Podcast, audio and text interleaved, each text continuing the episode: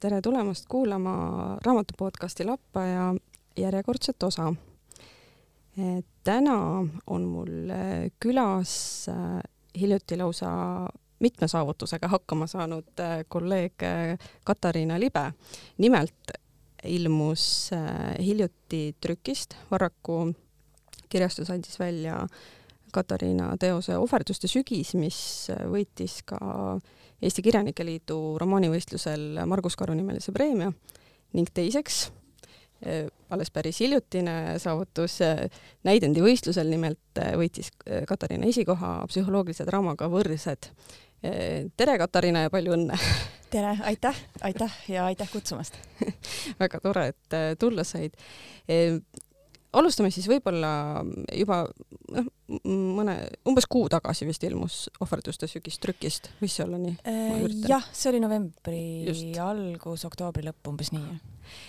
et äh, kuidas sa ise seda raamatut kirjeldaksid, et kas võib öelda, et tegemist on ähm, eeskätt noortele mõeldud raamatuga või on ta tegelikult selline laie, laiema? ma ise tahaks mõelda, et ta on nagu laiemale mm -hmm. sihtgrupile, aga mul ei ole midagi selle vastu, kui ta on nagu, kui ta liigitub noortekirjandusena äh,. aga ma ikkagi selles mõttes, et ma ei tahaks nagu inimesi ära ehmatada selle juurest, öeldes, et ta on nagu just noortele, sellepärast et need teemad, millega seal tegeletakse, ei ole kuidagi kitsalt noorte teemad, aga ma arvan, et pigem see teema käsitlus on võib-olla selline noortepärasem mm. -hmm.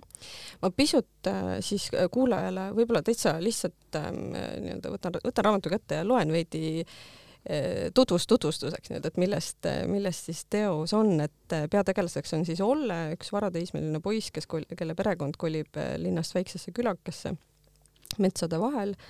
ma saan aru, et tegemist on fiktiivse kohaga, eks ole, just. ja loodetakse peret kummitanud probleemidest vabaneda, aga oodatud lahendused väga kergesti ei saabu. eriti kuna siin äh, sekkub sündmuste keerisesse ka üks noor naine ja tekib armukolmnurk ja nii edasi. et e, siin raamatu tagakaanel ka sa ütled, et vaetakse ka igipõlist küsimust, et mis vallandab inimeses pesitseva kurjuse ja mis annab kurjusele vaba voli, et, et tegelikult jah, lugedes mul endal oli ka selline raske tunne oli sees kogu aeg, kui ma lugesin, aga samas see selline fantaasia pool raamatust mulle tundub, leevendas seda mõnes mõttes luge-, minu kui lugeja jaoks vähemalt. et kas et, et kuidas, kuidas sa ise oled mõelnud, kuidas võiks nagu seda raamatut vastu võtta, et kas äh, olla valmis millekski väga raskeks või just avatud meelega sinna fantaasiasse nagu sisse sukelduda?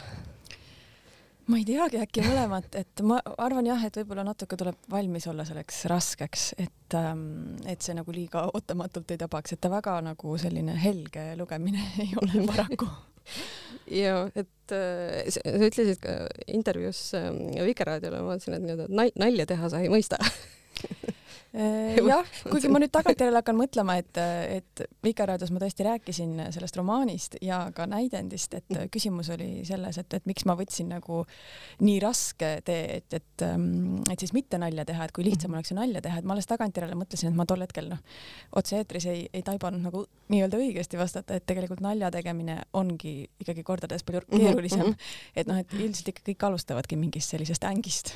ja seda küll jah, et et äh, head ka filmi mõttes head komöödiat tegelikult äh, ega väga kerge ja, vist teha ei ja, ole selles mõttes küll. Et kas, äh, millal see teos muidu sul valmis, et ja kui kaua see protsess sul kestis? ta valmiski täpselt nii, et jõuda ta ära saata romaanivõistlusele. Ja see oli väga hea motivaator, et sundida ennast kirjutama, et ma teadsin täpselt, mis ajaks ma pean kuhumaani sellega jõudma ja see oli esimene veebruar minu mäletamist mööda, kaks tuhat kakskümmend üks, äh, see tähtaeg. ja ma alustasin kirjutamist äkki sügisel, ta nagu selles mõttes loo kirjapanemist, aga see lugu nagu ähm, mustandina või kavandina oli juba enne valmis mm. -hmm. nii et äh, valmis pigem kiiresti võib siis öelda. jah, aga ta ei ole ka selles mõttes väga nagu mahukas mm. -hmm, mm -hmm. et äh, nii-öelda vo voolas sinust kergesti välja? ei, seda ma ei ütleks selles mõttes, et ikkagi sellist mingit jumalikku inspiratsiooni, et, et käed hakkavad ise liikuma ja tekst ilmub ekraanile, et seda, sellist asja ma ei tundnud, et ikkagi ma sundisin ennast äh, väga tagant mm. -hmm aga kas ähm, samas töötad ju ka ajakirjanikuna Pere ja Kodus, eks ole, ja on kaks väikest last, et kuidas selle kõige kõrvalt oli eh, nii-öelda seda väga, tegelikult väga keskendumist nõudvat asja teha? ma arvan just tänu sellele, et ma töötan ajakirjas Pere ja Kodu, mis on kuukiri, ehk siis tähendab, et meil on nagu tähtajad on äh, päris äh, nagu kaugele ulatuvad mm -hmm. ja lihtne on oma aega planeerida, et mul ikkagi õnnestus äh, iganädalaselt leida mingeid aegu kirjutamiseks mm. -hmm. Jah, et ma olen töötanud ka üheksast viieni ja, ja ma tean nagu, et, et siis on ilmselt väga keeruline, ma ei tea, pärast tööpäeva kuidagi leida veel energiat mingi oma asja jaoks, et see on ilmselt palju raskem. Mm. -hmm ja noh, enne, enne tööpäeva veel ammugi. Jah, see on, see on täielik müstika minu jaoks. Et äh, et kas, kas võib öelda, et äh, selles teoses on ka mingeid killukesi su enda lapsepõlvest või midagi, mis inspireerib, äh, kui tagasi vaadata enda lapsepõlvele? ma arvan, et jah, et see mul üks ähm, ühe tagasisidena selle raamatu kohta ma sain ka selle, et, et et üks lugeja oli siis nutma hakanud ja ma küsisin siis mille peale, et, et selle, selle raskuse tunde peale, mida see laps siis tundis, et ta peab vastutama oma vanemate eest ja oma ema haiguse eest ja et võib-olla see, et mina kindlasti lapsena ei elanud läbi midagi sellist, mida selle raamatu peategelane Olle, aga võib-olla see tunne tõesti meenub lapsepõlvest, et, ähm, et kuidagi see või et võib-olla täiskasvanud ei mõista päris kõike, mis minu sees toimub, et, et, et tegelikult ma protsessin neid asju kuidagi palju raskemini või, või keerulisemini, kui mm -hmm. kõrvalt näha võib-olla täiskasvanud arvavad mm. -hmm. aga et ütleme, kas äh, kirjutades äh, ütleme, et kas sa ka kirjutades äh, nii-öelda tundsid väga suurt raskust enda sees nii-öelda vaimses mõttes?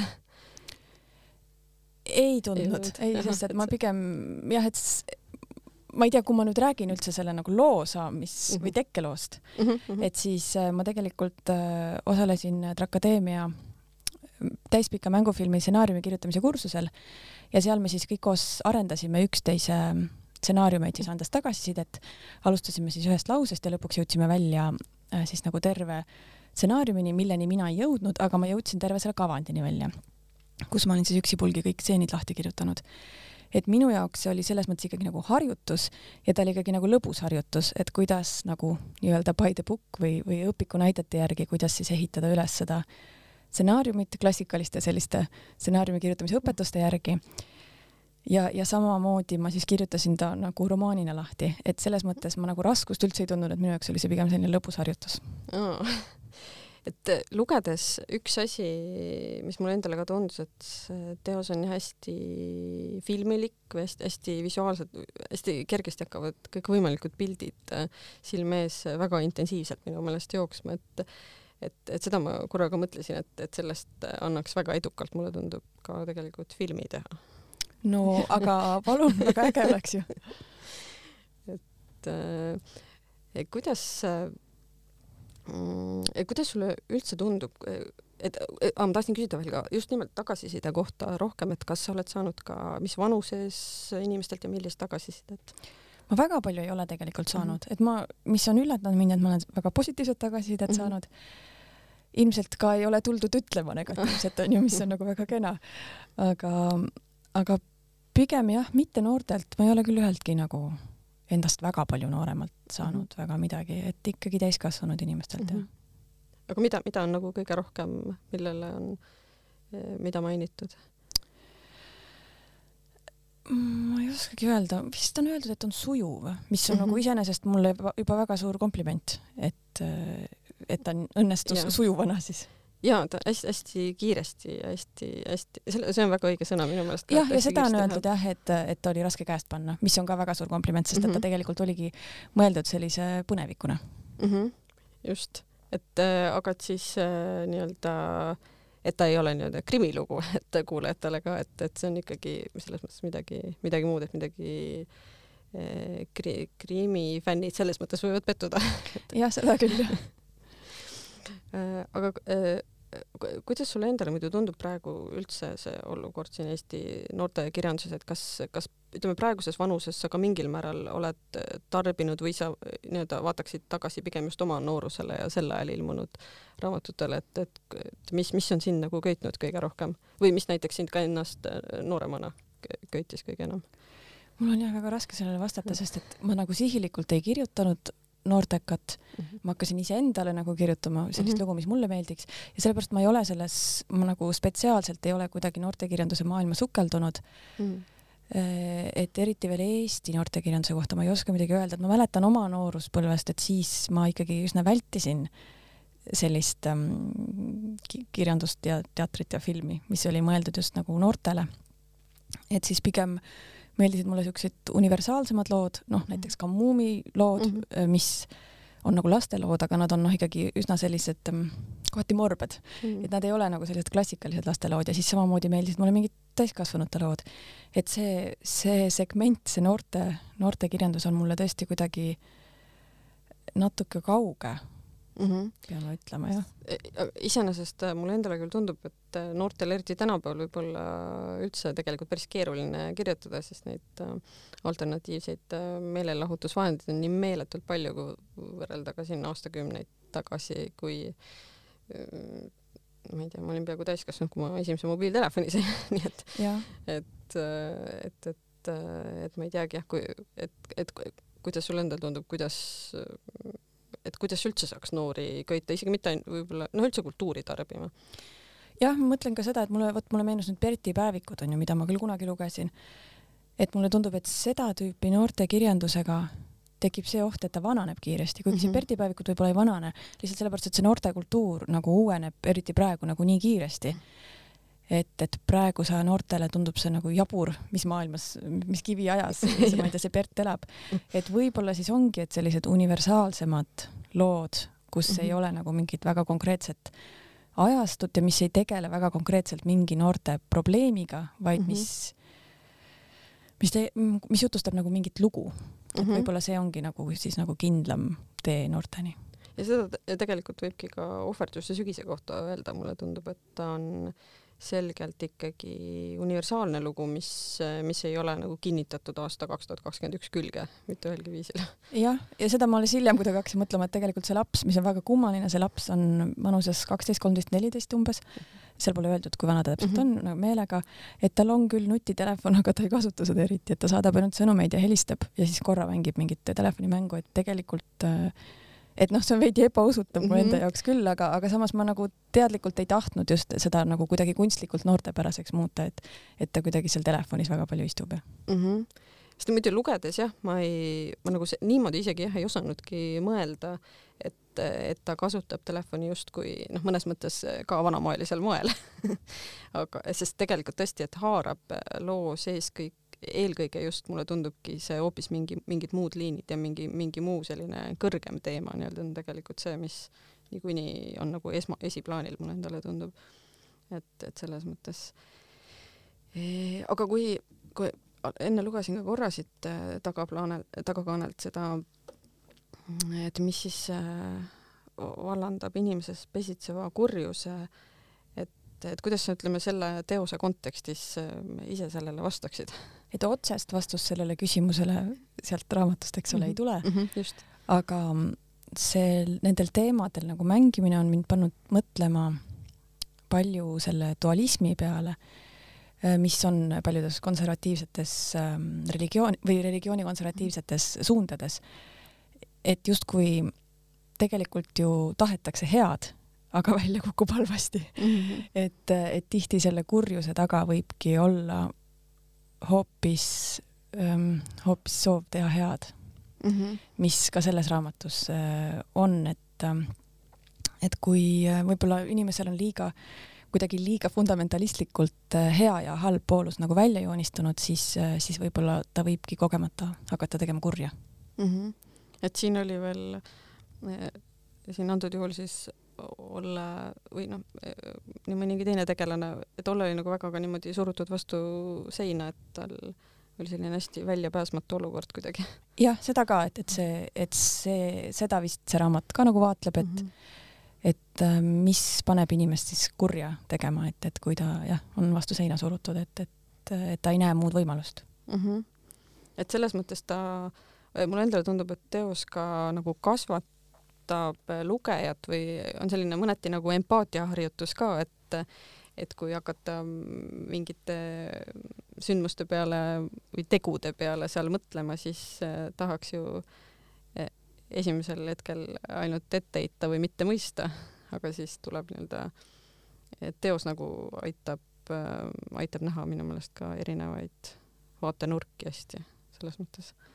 et tegelikult ju, et kusjuures ma võin öelda, et kui mina hakkasin lugema, siis mulle äh, ja ma lugesin loomulikult algusest tagakaanelt seda, mis vallandab kurjuse, siis äh, mul oli mõnda aega, ma ei teadnudki, et äh, kas see nüüd on see naistegelane Hella või Olle, et kes üldse on see, kes nagu päriselt kurja teeb.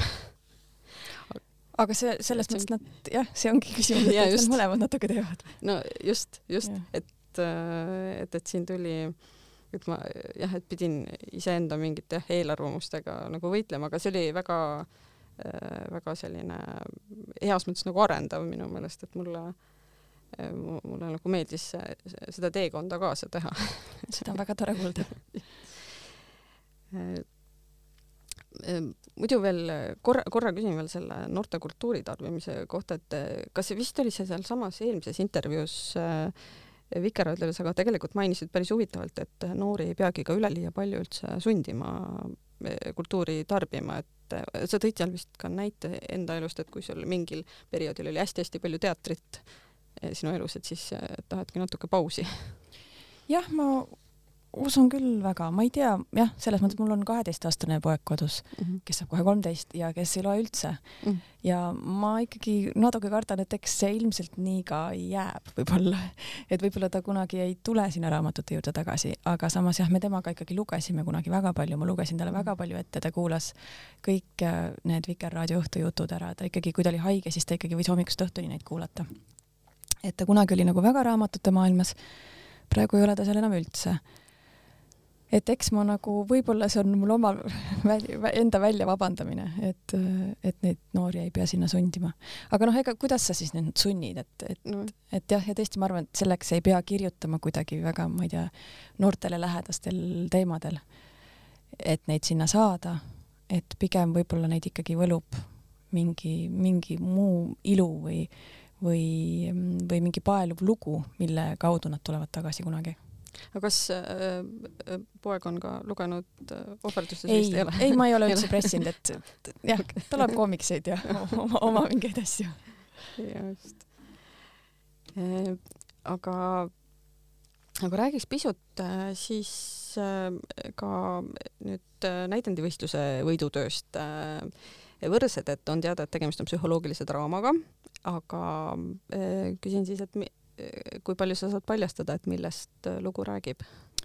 Äh, see räägib ühest äh, naisest, kes on loo alguses kolmekümne üheksa aastane ja ta on veendunud, et ta ei soovi saada last.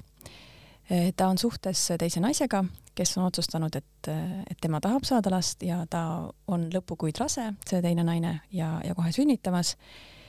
ja siis nende suhe puruneb ja peategelane, kelle nimi on Paula, saab äh, sellel hetkel aru, et tegelikult ta tahaks saada last, aga ta on ligi nelikümmend, üksinda ilma partnerita ja siis ta hakkab vaikselt tegutsema selle nimel.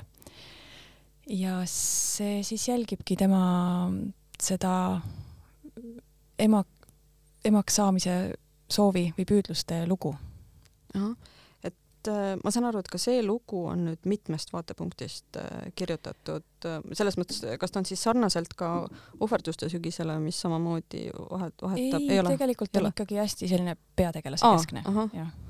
aa, okei siis mul, mul oli kuskilt lihtsalt valesti meeles, see oli minu meelest siis, kui teatati võitjad välja ja ma, aga ma, ma ajan ilmselt ise tõesti midagi praegu sassi, et ühesõnaga see ei ole selles mõttes sarnaselt ohverduse sügisele eri vaatepunktidest ei, ta on ikkagi jah, hästi peategelase keskne. ahah, okei okay.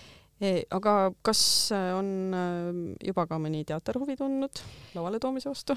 ma nüüd praegu saan aru, et, et ta vist siis aasta pärast tuleb Vanemuise lavale, jah. ahah, see nii, et äh, kas lavastaja nime veel ei ole ilmselt, ei saa veel seda öelda, ütles ilmselt... mulle Tiit Palu, et ta Aha. ise sooviks seda lavastada ja. no see on ju väga uhke ja see on minu jaoks väga äge jah. Et äh, kas äh, kas iseenesest tegemist ei olnud su esimese näidendiga, et sa oled enne ka võistlustele saatnud? jaa, ma olen sinna saatnud paar tükki enne ka jah, et selles mõttes ei olnud päris esimene katsetus jah. et aga ohverduste sügis on iseenesest debüütromaan ja,? jah, jah. et see oli nii-öelda esimene katsetus. see oli selles, esimene katsetus selles vallas, läks kohe täppi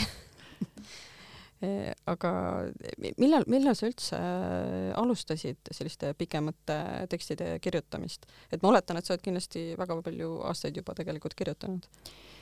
jah, vist pigem nagu alati olen olnud selline pigem kirjutaja tüüpi inimene, nüüd on mul siis meenunud, meenunud, et, et kunagi olid need minu klassi päevikud, mida siis jagati klassis laiali ja siis täideti. ja seal ma küll alati kirjutasin, et mina tahan saada kirjanikuks. aga vot huvitav, et see läks mul vahepeal täiesti meelest ära. ja muu elu on nagu peale tulnud, tööd ja lapsed ja, ja ma tõesti ei ole peaaegu üldse kirjutanud vahepeal ja nüüd, kus ma olen üle aasta töötanud äh, ajakirjas ja mu noh, töö sisu ongi kirjutamine, siis kuidagi on see jälle, see nagu hoog jälle sisse tulnud mm. -hmm. Kas äh, on ka praegu käsil mõni teos? jah, isegi mitu tükki. Aga, aga noh, iseasi muidugi, kui palju ma iganädalaselt selleks jälle aega leian. Uh. -huh et kas me, ma mõtlen, et iseenesest romaanivõistlus on vist paari aasta tagant. et et, sinna veel jõuaks. Jah, sinna jõuaks, kuigi ma ikkagi loodan, et äkki mul õnnestub ikkagi varem lõpetada. Kas äh, tegelikult ju oled ka, oledki õppinud näitlejaks, et kas sind laval äh, näeb ka praegu kuskil? ma mängin veel ühes lavastuses, mis on VAT teatri Faust, aga mind ausalt öeldes nagu väga ei tõmba ka mm. -hmm. et ei ole seda ei ole seda nagu tungi väga sinna lavale minna. et äh, teleprojektid vist äh, lõppes, jah, ma olin jah pikalt äh, teleseriaalis ja, ja see lõppes, see kuidagi leidis oma loomuliku lõpu, et eks mm -hmm. mingil hetkel juba päris ammu oli see kohati nagu tüütu, aga samas oli hästi tore, et seal võtteplaatsil oli hästi tore olla, inimesed olid mm -hmm. hästi toredad. aga et eks siis kõik olid nagu mingis mõttes kurvad ja mingis mõttes väga rõõmsad, et, et see asi leidis oma loomuliku lõpu et kui, kui, mõtlen, kui palju aastaid seda kokku tuli siis? seda oli vist kaheksa aastat kokku. see on ikka päris märkimisväärne hulk ja noh, et, et see järelikult ikkagi, no ikkagi väga läks ka korda vaatajatele, et, et üks teleseriaal nii kaua püsib. jah, ma arvan, et üks põlvkond lapsi kasvas sellega üles ja. jah, ütleme jah, selles mõttes, kui on juba mõni kaheksa aastat vanem, kui ta oli esimest osa ja. vaadates, nii et tõesti täitsa ikkagi jah, muljet, muljetavaldav.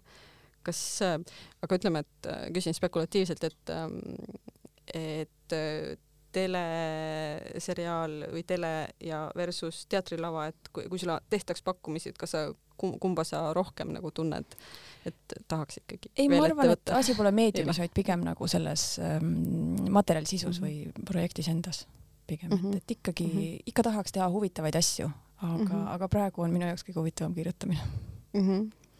nii et isegi aasta ajakirjanduses ei ole nii-öelda ära tüüdanud, et ähm, nii-öelda kohustuslikus korras ka kogu aeg on vaja muudkui kirjutada. jah, sest ma, see on ikkagi väga vaheldusrikas töö, et see on nagu kummaline, võib-olla kui ma mhm. seda ütlen, aga mulle tundub töö mul on raske öelda ajakirjanikuna, ma ütleks nii-öelda ajakirjanikuna, kuna ma ei ole seda õppinud, et see on ikkagi märgatavalt vaheldusrikkam kui näitlejatöö. paraku ta mm. nii on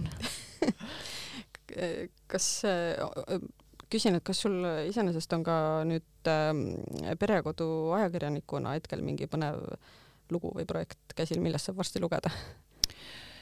ikka on, aga ma ei teagi, ma ei oska nüüd äh, nagu ei oska nüüd niiviisi välja tuua oh,. et var vara veel ei, selles mõttes, et kogu aeg on ju midagi pooleli oh, no, ja ikka on väga oh. toredaid ja kohati on ikkagi väga endale kordaminevaid lugusid ka mm. -hmm.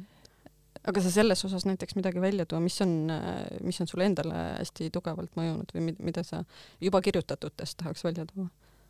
mulle pigem on endale võib-olla korda läinud rohkem mingid videod, näiteks uh -huh. tegin video äh, toitumishäiretest, kus siis äh, kolm noort naist rääkisid oma loo, mm, kuidas äh, nad olid olnud toitumishäire küüsis juba alates kaheteistkümnendast eluaastast ja et kuidas see ikkagi, mm, kui ränk haigus see tegelikult mm -hmm. ikkagi on.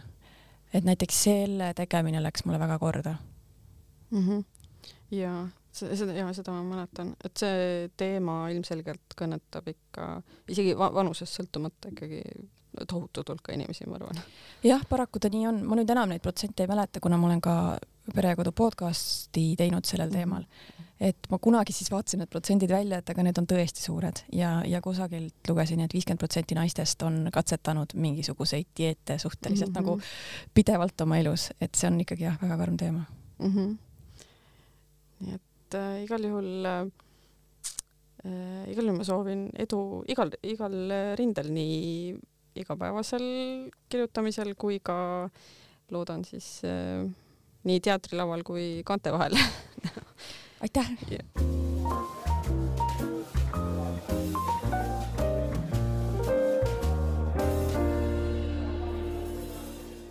nii ja tere tulemast tagasi kuulama raamatu podcasti Lappaja. täna on meil külas äh, Katariina Libe, kes eh, hiljuti, kelle hiljuti ilmus äh, romaan Ohverduste sügis, aga ühtlasi võitis ta ka näidendivõistluse psühholoogilise draamaga Võrsed aga nüüd annab Katariina meile ka mõned head raamatusoovitused, et mida sa soovitad lugeda? see on tegelikult väga raske küsimus, aga ma pigem nagu alustaks niipidi, et mis mulle nagu meenub viimaste aastaste suurimatest elamustest mm. -hmm. ma hiljuti sattusin raamatupoodi ja ma nägin, et Nancy Hustoni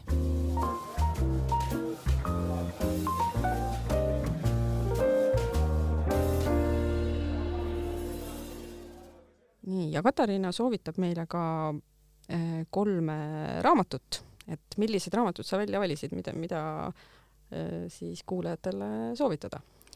see on väga raske küsimus, ma mõtlesin, et ma lähenen niipidi, et äh, millised on nagu olnud viimastel aastatel suurimad elamused, et kuidagi läbi terve elu lemmikraamatuid on raske välja tuua et äh, hiljuti sattusin raamatupoodi ja nägin, et Nancy Hustoni Murrangujooned on ähm, välja tulnud siis äh, eraldi köites, et ma kunagi sattusin teda paar aastat tagasi lugema, kui ta tuli Loomingu Raamatukogu alt välja.